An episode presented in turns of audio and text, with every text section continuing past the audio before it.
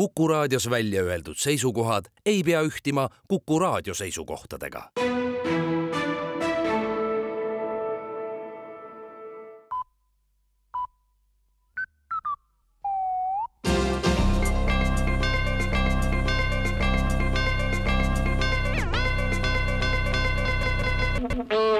alustame uudistega ja stuudios Rohke Debelak.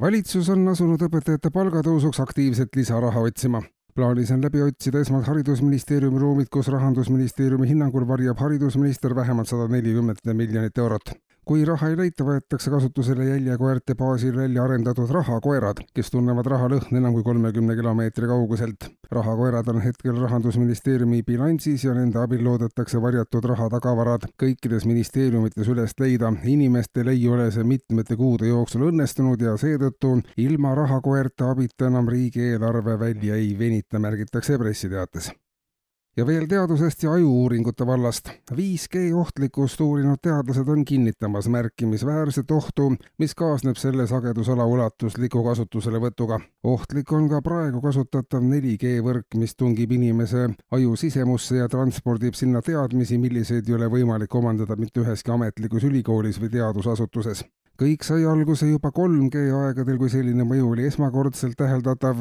kõige algupärasem GSM-võrk ja NMT sagedusala ei võimaldanud inimesel ilma õppimata targaks saada, aga 4G ja 5G teeb inimesest akadeemiku juba vähem kui nädalaga ja see võimaldab varem väga keskmise või ka olematu teadmispagasiga inimesel olla targem kui mis tahes professor.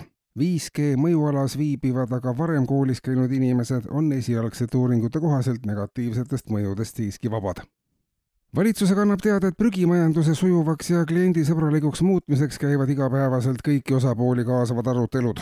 muudatused on alguses kõigile valusad ja harjumatud, kuid koos saame kõigest üle, märgib valitsuse teade. kohalikud omavalitsused panevad ka oma õla alla ja kui inimesel ei teki nii palju erinevat sorti prügi, mida erinevalt äh, sorteerida, siis saab inimene pöörduda kohaliku omavalitsuse poole ja talle eraldatakse puudujääv prügi, et nii ära hoida prügiauto tühisõite ja kaasnevaid trahve hinnad on endiselt tõusuteel ja paljudel inimestel ei ole lihtsalt võimalik midagi nii palju osta, et jätkuks ka arvukatesse prügikastidesse kõiki nõutavat liiki prügisid panna. kui mingit liiki prügi on puudu, siis kohalik omavalitsus organiseerib selle. käima on läinud ka esimesed prügi jagamiseks mõeldud sotsiaalmeediagrupid ja lühidalt, Lääneranna vallavalitsus arutas eile tuumalöögi andmist Metsküla algkooli pihta vallavalitsuse sõnul jääb valikuid iga päevaga üha vähemaks ja häid valikuid enam alles ei olegi praegu aga ei ole veel selge, kas raha selleks peaks tulema riigieelarvest või peab vald hakkama saama omade vahenditega.